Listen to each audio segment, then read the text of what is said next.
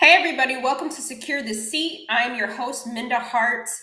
This is a podcast where we help women of color secure their seat at the table. It's not about just getting our seat and then leaving everybody else behind or being a gatekeeper. It's about bringing each other with us uh, because there's plenty of room for the table. The system would try to tell you that only one or two of us can be at the table, but we get to expand that table at any time. As you may or may not know, I do a weekly show of Secure the Seat on LinkedIn and I put the episodes on YouTube. So if you've missed the weekly shows, uh, go ahead and subscribe over on YouTube. Just put in Secure the Seat Live and you can catch all of the episodes I've been putting out. That happens there weekly. I don't always do a release a weekly podcast here as I used to, uh, but the goods are still over there. So go check that out. But I had to transcribe last week's episode of the live podcast on this one because loneliness during COVID, during the pandemic, is a thing. It's a real thing. And I could not not share this episode with you because I, there's so much goodness with our guest Smiley. Um, he has a new book out. He is a friend. Um, he's an author. He's an international speaker, uh, work millennial workplace expert we're going to tell you more about him into the episode, but I just had to give you these goods because I don't know if you felt lonely. You might even be feeling lonely. And you know, the thing about loneliness is you don't have to live alone to feel lonely. That's the wild thing about isolation, right? You can be around tons of people, you can live with a bunch of people, live with someone else, and still feel isolated, still feel lonely. And uh, we don't want you to feel that way. I've definitely felt that way. Um, there's times I still feel that way. And it's a struggle, right? And we often don't talk about that part out loud. There's nothing wrong with you. I think that is a normal feeling for people to feel in their lives. But this is such a beautiful episode that I had to bring it to you. I hope it inspires you this week. And also, my next book, Right Within How to Heal from Racial Trauma in the Workplace, is coming out October 5th. It seems so far away and we're almost a month out.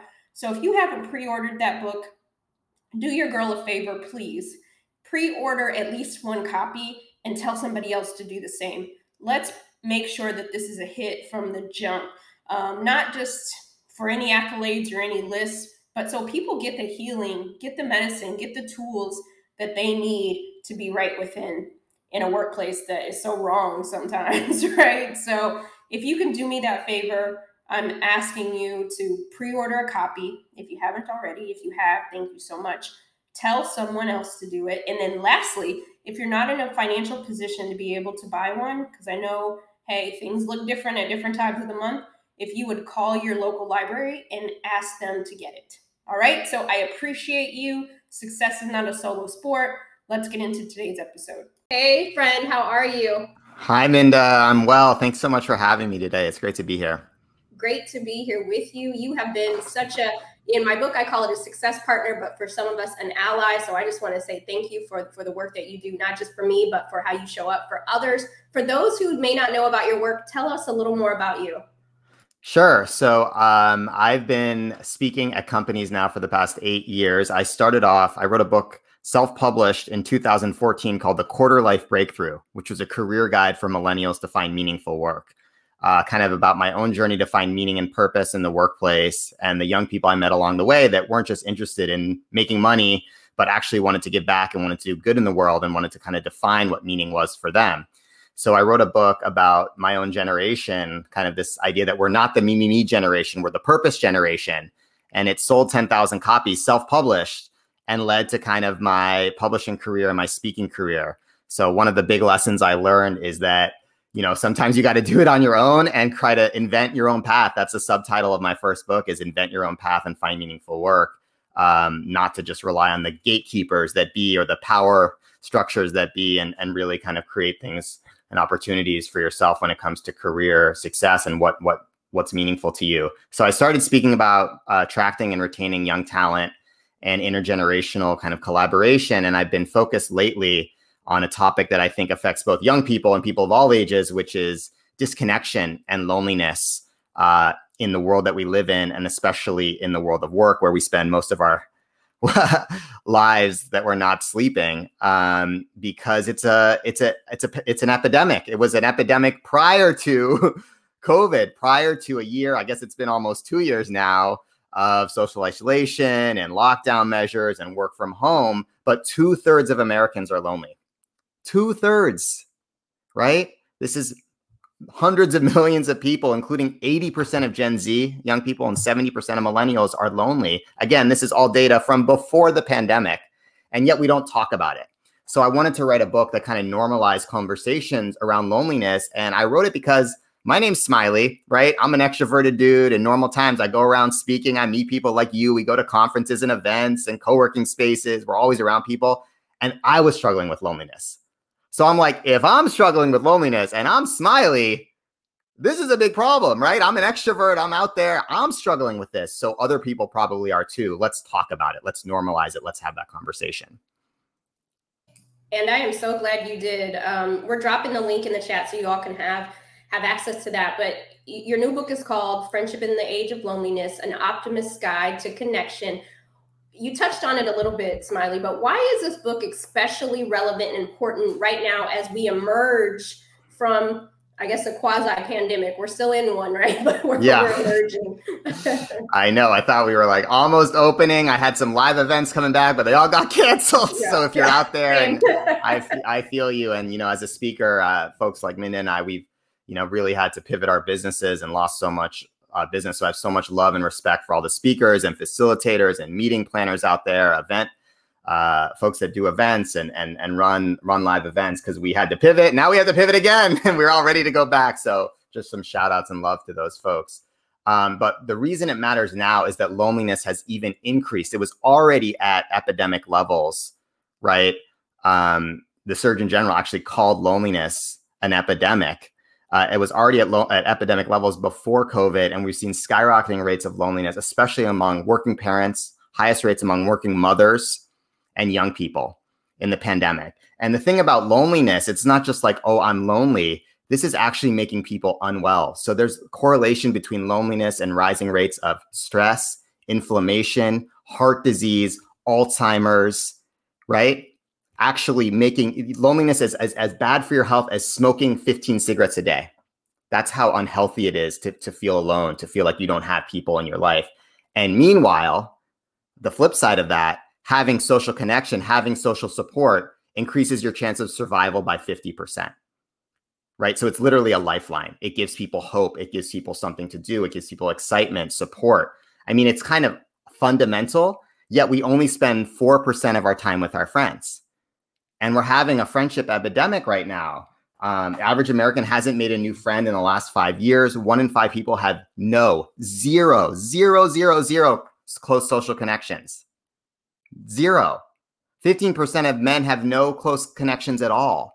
And then you think about all of the things that can stem from that, it, it leads to major, major social issues. So I think the timing right now is pretty important because if the pandemic had a silver lining, it's that we get to talk about this, right? So, uh, just a quick anecdote with my book. I pitched this book at the end of 2019. We closed the book deal in February of 2020.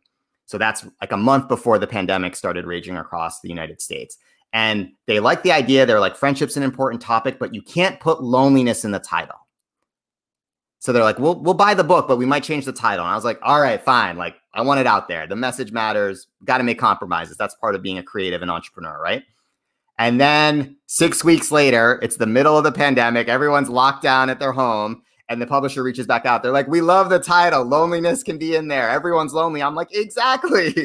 but the thing is, the point was we could name it, right? It took a pandemic, it took everyone being at their home not able to see their coworkers on a regular basis, not able to have those water cooler moments, those conversations, those lunch breaks, those coffee dates, you know, those events, not being able to see their friends. And many people, many people weren't even be able to see their own grandchildren or their parents because, you know, they were worried about, you know, people that were more vulnerable or people that were getting people sick to actually say, oh, I'm struggling with loneliness, right? But the data showed it before. Two thirds of Americans struggle with this. This is, you know, an epidemic across the world. So I think this moment allows us to talk about things that we were all feeling prior to COVID, and COVID just made them come up to the surface a little bit more. Uh, and now, especially as we return to work, we're not returning to work in the normal way, right? Even as some offices open and some people have return to office plans, and oh, you have to be vaccinated, and, and some folks are going back to work, hybrid or remote is here to stay in some form for almost most of the largest companies in the world are going to have some sort of a situation where some of their workforce is spread out across the country or the world and some people are going into the office on some days and some people are at home. And this can work but one of the major issues that comes up with it is the lack of human connection at work. So yes we can do the zooms and we can you know use slack and we can get our work done but what do we lose when we're not face to face? And i think really the future of work lies in making sure that we stay connected at work because the costs of loneliness at work are enormous. You know, uh, loneliness costs uh, can cost companies, U.S. companies alone, four hundred and six billion dollars a year. Right? There's correlation between loneliness and increased sick days, which makes sense. Right? You're not feeling good. You're probably more likely to take sick days. Higher risk of turnover, disengagement. Um, you know, the cost of the company in terms of healthcare and health plans. And on the flip side of that, employees who have the connection and the belonging, right? They do better work. They're more engaged. They stay at the company longer. They show up for their people longer. They help the company make more money. they do all the things that we want companies to do, but what we want people to do, but we don't talk about it enough and we don't design around it. So I think that this is like an opportunity for that. Smiley, I mean, you are giving us so much, dropping all the gems. I have to get my tambourine out because these are some ugly, some ugly truths, but some important truths that we have been sitting in. And, you know, I never, I, prior to the pandemic, I would, I don't know that I can't remember a time where I ever said, oh, you know, I'm, I feel lonely or depressed or, you know, like I've had moments where I've, I felt those things, but I never would have like said it out loud. Right. It was like inside my head. But then I started like leaning more into that because I'm like, this is a feeling that I'm feeling, right? You know, before I would go out, you know, you'd see your friends maybe at brunch or you, like you said, we're, we're speakers, we'd be on the circuit. So you, you're meeting people all the time. And even just the small things like after watching a show and not having anybody to talk to, you know, I'm like, oh, I guess I'll go see you on Twitter. Who's watching this show? you know, it's just like things that I wouldn't have probably done necessarily a lot before, but I, I realized that I, I consider myself an introvert, but I did miss that human connection. And so I'm, I'm so glad that you talked about that. I want to jump into something you said about, you know, many companies forming a hybrid. So, you know, I, I know we have some people out there who are probably like the Drake motto, no new friends, but we do need some friends at work. So, what are some of the benefits of having friends at work and why does it matter? Yeah, so employees, I think the biggest statistic that I, it just kind of says it all is employees who have a best friend at work are seven times more engaged. Period. If you can actually say, "This is my best work friend," you know, work husband, work wife, whatever you want to call it, work person, work partner, like those people are just statistically more engaged. If you don't have that person, you only have a one in 12 chance of being engaged with your work right? And as you know, one of the main things companies are going for is employee engagement. That is the, the piece of it, right? Em- engaged employees do good work. They're happier. They show up for people. They make the company perform better, more profits, you know, more impact in the world. That's what this is all about. And we have a huge disengagement problem, you know, across corporate America. One of the ways we can fix that is simple. It's also free, by the way, is to allow for friendship. I'm not saying it's easy, but to allow for friendship and to create you know opportunities for people to have friendship at work. And i think you know there's there's often been a stigma around this. Again i think it's changing but it's like that's work. That's my job. I have my friends. I'm not trying to make friends at work. Like i got work to do. And i get that but what we're seeing now is that because the, the lines are blurring and we're spending a lot of time now frankly at home working many times because that's where we have to be working especially you know folks that are parents will identify with this or you know folks that are taking care of family members you know they have there there's there's a little bit of hey this is where i'm spending most of my days. I still want to be connecting with people. I want to get to know them. I want to learn a little bit more about them than just like the way we say oh do this do that. You know here's your kpis you're supposed to you know your job description says check this box check this box but like who are you as a person? Like what's going on in your life? Like would you like to share? I'd like to get to know you. I want to know your story I want to connect with you. I want to learn from something, something from you, you know, even and especially if we're different, right? right? We have a different experience, a different background. We come from a different place. you know we didn't all get here the same same way you know what value to, do you have to add to my life that you know i don't that that i frankly need that we need that our organizations and teams need um so i think that there's a real opportunity there but like the biggest thing is that you know when employees um have a best friend they're more engaged they also are less lonely right if you have a friend you know more friends at work you're less lonely on the ucla loneliness scale which is kind of the definitive metric for measuring loneliness out there. Um, it's also simple, it makes sense, but yet we don't really talk about it. And we don't create time. Like, you know, usually in a meeting, like a virtual meeting or even an in person meeting, it's just like, boom, agenda, let's go. Right. And it's the person with like the senior person, you know, the, the, the, the, the C level person or the manager's like, all right, boom, boom, boom, agenda. How about a check in? How was everyone's weekend? You know, or, or a prompt and an improv, like, can anyone share any wisdom that uh, you know an elder in their life has recently shared with them, or a change that you're going through, or a book you just read, or a podcast you listened to, or you know what show have you been watching?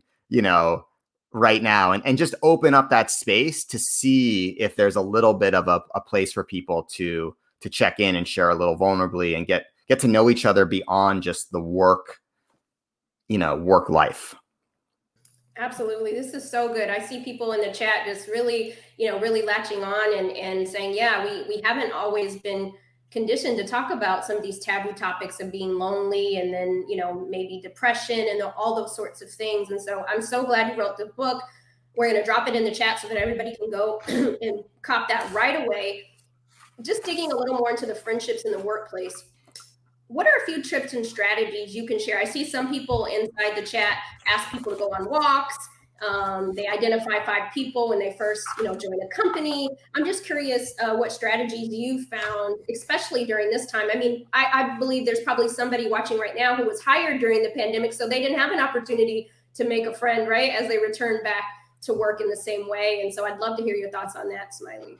Yeah, so I'm big on rituals. I think that kind of taking these big concepts and then translating them to kind of practical ritual, you know, rituals. I think I have a chapter in my book called Embrace Ritual. I think that's big for friendship, period. Let's just even start with outside of work, right? So I have a group of friends, we go on a boys hike every year. You know, um, I have I have people, you know, going to a cooking club or being part of a book club because it's recurring, right? It's simple, but it's on the calendar. You're like, oh, got to meet with book club this, you know, this month, or you got girls' night right? It's Wednesday nights, like get together, have a glass of wine with the girls. It's on the calendar, it's repetitive. We can do that stuff in the workplace too. So you mentioned onboarding. There's so many people now, they've started a job, they haven't met any of their coworkers, and the first thing they get is like, fill out all these forms. Good luck, you know, peace.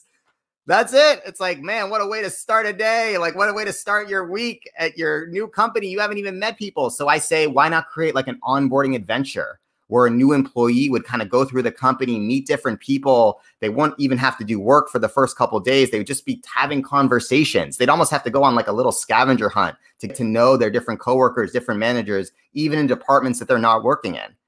Right? Let's say they're an engineer, they should still be talking to the DEI team, right? They should still be talking to folks that are on the people ops team, getting to know them and learning about what they do and building those connections, especially because they can't be face to face. So little things like that, like onboarding adventures, one on one. So, you know, there's a great, for folks that use Slack at work, Donut is this really cool kind of add on or plug into Slack. It just pairs people for random conversations. It's like, all right, Smiley, you know, you're, you know, you're with Linda this week and you guys have to have a talk. You know, maybe there's a prompt or you have to have a coffee date or go for a walk if you're in the same city. And if you're not, you have to have a, a, a video chat. Just kind of having those spontaneous conversations. Um, so I think that's big. Creating more kind of opportunities. I know you're big on this with with mentorship, but you know, for personal coaching, right? And kind of peer coaching. It doesn't even have to be professional. I think we often think it has to be like, let me help you advance in your career. Just peer coaching. Like, what are you going through right now? Let's talk about it. You know, what's up? What's what's coming up for you? Um, how can I be a good listener? How can I support you? Um, and you know kind of needs and give circles something that is very simple but just allowing employees to kind of share things that they need asks that they have for their coworkers and things that they're willing to give right? Maybe they have a great resource you know for a podcast they listen to or a great book they just read or maybe they know a really good you know massage therapist or a good therapist or something whatever it is kind of like sharing creating those kind of reciprocity where people are are sharing what they need and sharing what they can give uh, in the form of ritual and con- kind of changing that that discourse and dialogue.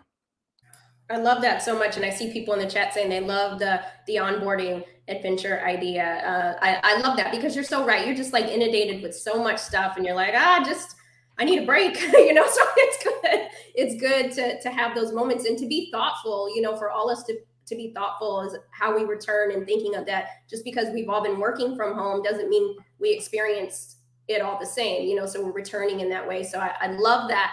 Um, if you have, we'll, we'll, probably have time for one or two questions. I see a few in the chat. Make sure you get them in. But I'm going to jump into my bonus round of questions because uh, as much as I love talking to Smiley, I'm also curious about what his favorite rap lyric is. I am a lover of grits and rap lyrics. Um, Smiley, I have to ask, are you a grits eater? I like grits. Yeah. Okay. How, how do you, when you do eat grits, how do you like them? Um, however a place that makes grits makes them. I don't make my own grits. okay, cool. Well, that, that's good. But you like them. You're you probably really like salt and butter when they when they arrive. I like, yeah, with shrimp is when I've usually had them. Shrimp and grits. Boom. I like it. I like it. Um, so I have to ask then, what is your favorite rap lyric and why? All right. Well, I'd say my favorite or one of my favorite rap lyrics is I'd open every cell in Attica, send them to Africa. If I rule the world, imagine that. I free all my sons. Nas featuring Lauryn Hill. Yes. If I Rule the World, 1996. It was written, pinnacle of hip hop, that era. I love that. I love that lyric. I guess Nas fans should know that the lyric right before that is it sound foul that every girl I need go downtown. So, you know, not the like, you know, maybe a little bit of a misogynist ish lyric, although maybe, you know, Nas meant like any any girl that he had a meaningful connection with. But I love that lyric because he's talking about freedom. He's talking about Attica, a mass correctional facility in upstate New York, um, imprisons a lot of Black people, a lot of people of color, and sending people to their ancestral homeland where many people were taken as slaves. So it's kind of like in one line, the epitome of I think what hip hop, in fact, what music is often about, which is which is freedom um, I, and I love that whole track. It's just about dreams and and what would you do if you could could could change the world if if you were were in charge? And he's talking about freeing prisoners. Um, so that's a great, great, great lyric to go into. And there's so many like as you mentioned, some double entendres in there, but at the end of it all, it's it's about freedom. And it's so funny that you say that because just maybe a couple weeks ago or the last two weeks, I was listening to that Nas album, and there were so many like you could even play that right now, and there's so many like relevant lines within that as he's talking about freedom, and and we're in a position right now where we can free people if if we all band together and, and use our voice and human connectivity right will require that so thank you um, smiley for that and i have to ask you know everybody on the the call. They're a leader. I believe you don't have to get a promotion. Nobody has to give you permission to be a leader. What is one tip or practice that you would encourage everybody to implement to make the workplace better than they found it? Hmm, it's a good question. I would say um not wait for change kind of from the institutional level or the organizational level and say like what are three things i can do this week to support my support my people? Um not to say those institutional changes need to happen. Sometimes they need to happen real quick and they've been needing to happen. But to approach to approach work from a place of how can i show up for my people? I think you know self-care is important. It's fundamental but we're shifting into the space where community care community support. Um, we've seen that, especially I think, I hope in the pandemic, like it's not just about us, it's about other people.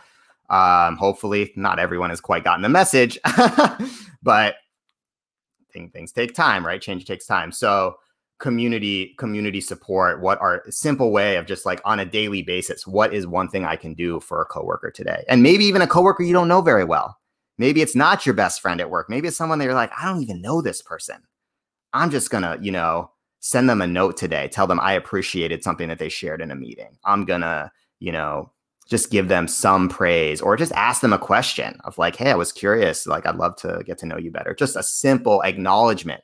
you know the the loneliness doesn't have to be these grand gestures sometimes it's you know friendship is these little steps right a little bit of love a little bit of acknowledgement just noticing someone seeing and hearing people psychological safety being seen and heard it starts with these kind of small gestures so if we can kind of come back to that i think we'll we'll we'll, make a lot of uh, a lot of progress I love that. And I, I, believe that will help dismantle this feeling of isolation and loneliness. I did see one question that I wanted to, because there was um, a couple different variations of it in the chat, but um, I'm paraphrasing Smiley, but a, a lot of companies have said, oh, we got to get back to normal. How do you, how would you give some of our listeners um, the language to articulate, okay, maybe what we were dealing with before wasn't good, right? So thinking about how it can be better this time around, because I think there's something with um, comfort for people to say, let's get back to normal, but normal wasn't the best, right?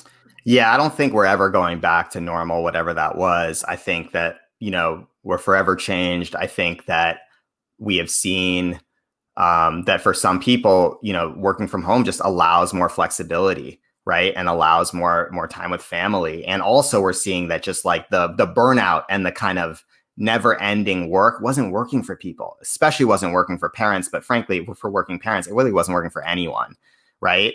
And that that's just not going to stand anymore and that we need to kind of, you know, the, the conversations we're having now around burnout and mental health, like these are fundamental aspects of work. They're not something that we only talk about after five o'clock or after six o'clock or when there's a crisis or something happens. It's like, no, this needs to be a fundamental part of how we take care of our people.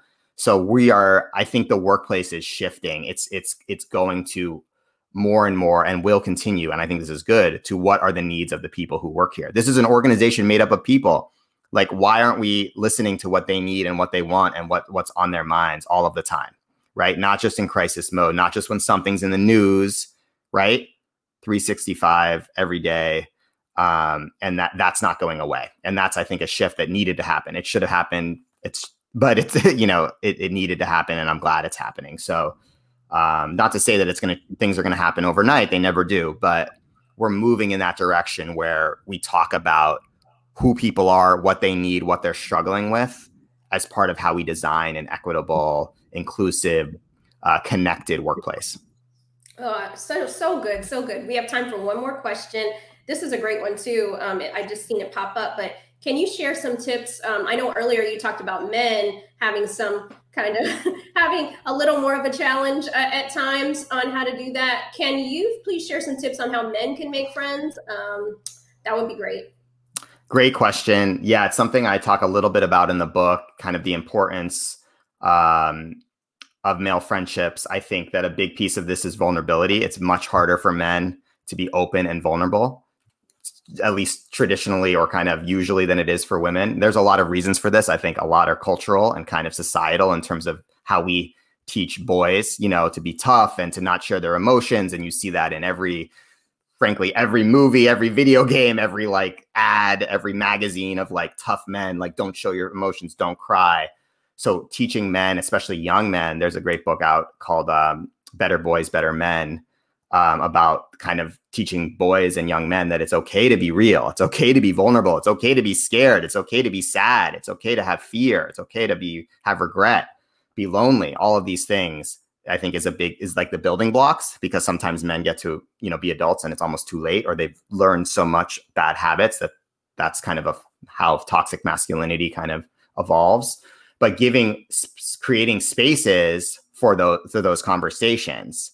Um, I think you you and I both know a friend of mine, Ashanti Branch, does a lot of great work around this. Ever Forward Club, creating uh, spaces for young men, specifically young men of color, to kind of share and be open and be vulnerable with each other. But for any men out there listening, that's also on you to go find those spaces, right? Find a men's group, find a a, a group of men that's kind of cares about personal growth, right? That not just you know talking about sports is great, you can do that, cool, but also people that want to talk about who you are, what you're going for, what your dreams are, what your business goals are, what your personal goals are. So creating more more safe spaces for that for men I think is fundamental. And in the workplace, we can do that too, right? It doesn't have to be like you see these, like, you know, it's like you can have an ERG that's focused on like conscious male leadership. That's cool. Like it does, you know, like that's that's important, right? It doesn't have to be like, oh, well, like like that's just for women. It's like no, like men need that too. We need that, and it's it's actually part of the process. if men don't do the work, specifically a lot of men that are in power, then society's never going to change. So, um, I think that's a big that that that that would just kind of be like the big picture thinking there. But it's not a simple. It's it's not a simple. obviously, not a simple problem. but you gave some good tips and strategies and resources there. And yeah let's normalize those type of groups. I know i speak at a lot of women's ergs and those sorts of things and then men come as allies. But to your point what would it look like if you know men had those type of professional development groups and those sorts of things? You know i have men who have read the memo they read it originally for their wife or their sister or whomever and they're like wait i needed this too you know so yeah. it's these things where we have to normalize that so smiley i'm just so happy with the work that you are doing the way that you show up how can people find you and support you and we'll drop your link to your book as well again in the chat yeah, you can find me on all the all the platforms. I'm on LinkedIn, Adam Smiley Poswolsky, on Insta at What's Up Smiley, smileyposwolsky.com. My book is available um, wherever you buy books. Yes, please get the book and share today's episode out because uh, we all need this episode. We all need Smiley's book. Gift it to somebody, make somebody's day, make them feel less lonely knowing that uh, they're. I know you got so much out of that episode with my boy Smiley. Remember to get his book. I will put it in the show notes. And if you have time, go ahead and watch the live episode. I will drop that in the show notes as well so that you can be there with us um, and see it. But um, I'm rooting for you. Keep securing your seat.